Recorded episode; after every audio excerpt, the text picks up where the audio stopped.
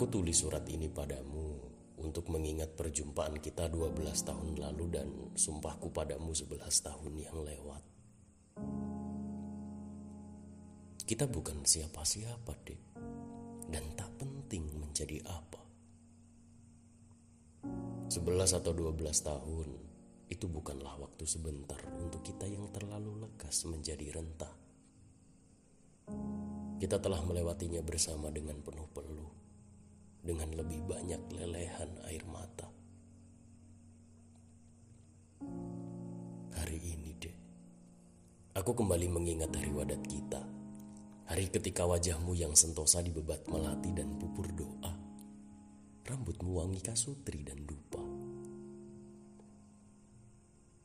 Lalu 11 atau 12 tahun lamanya, kamu dan aku terkunci di ruang kosong zaman yang sombong. Orang-orang berpidato tentang kutukan dan pujian. Tapi benarkah hati dan masa depan manusia punya kuasa hukum dan pengadilan? Dek, apa kamu ingat ketika aku peluk dirimu sembari aku ciumi lehermu yang putih? Saat ku lepas tali kutangmu kali pertama, waktu birahiku mengusap payudaramu yang wangitan dan kelapa, kamu bertanya, mengapa orang-orang itu merasa memiliki sambil menerkam yang lain? Dan setelah 11 atau 12 tahun lamanya, Para serigala terus menyeringai melihat orang yang terisak dan berteduh sejak kemarin sore di bawah kardus yang robek. Hidup manusia memang lucu ya, Dik. Ketika orang-orang bergegas membeli biskuit dan susu, dan para petualang berebut roti, aku justru tak pernah membawakan apa-apa untukmu dan anakmu.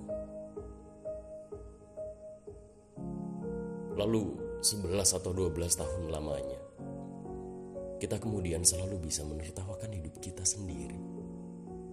Meskipun selalu dengan lelehan air mata. Dek, 11 atau 12 tahun. Benar bukan waktu sejak ternyata. Aku memang tak pernah menggandeng tanganmu seperti yang selalu kau minta. Tapi kau kini tahu, setelah 11 atau 12 tahun, kita telah selalu melewatinya bersama sambil menari dan berputar seolah di surga. Dan semua itu lebih penting dari hanya bergandeng tangan.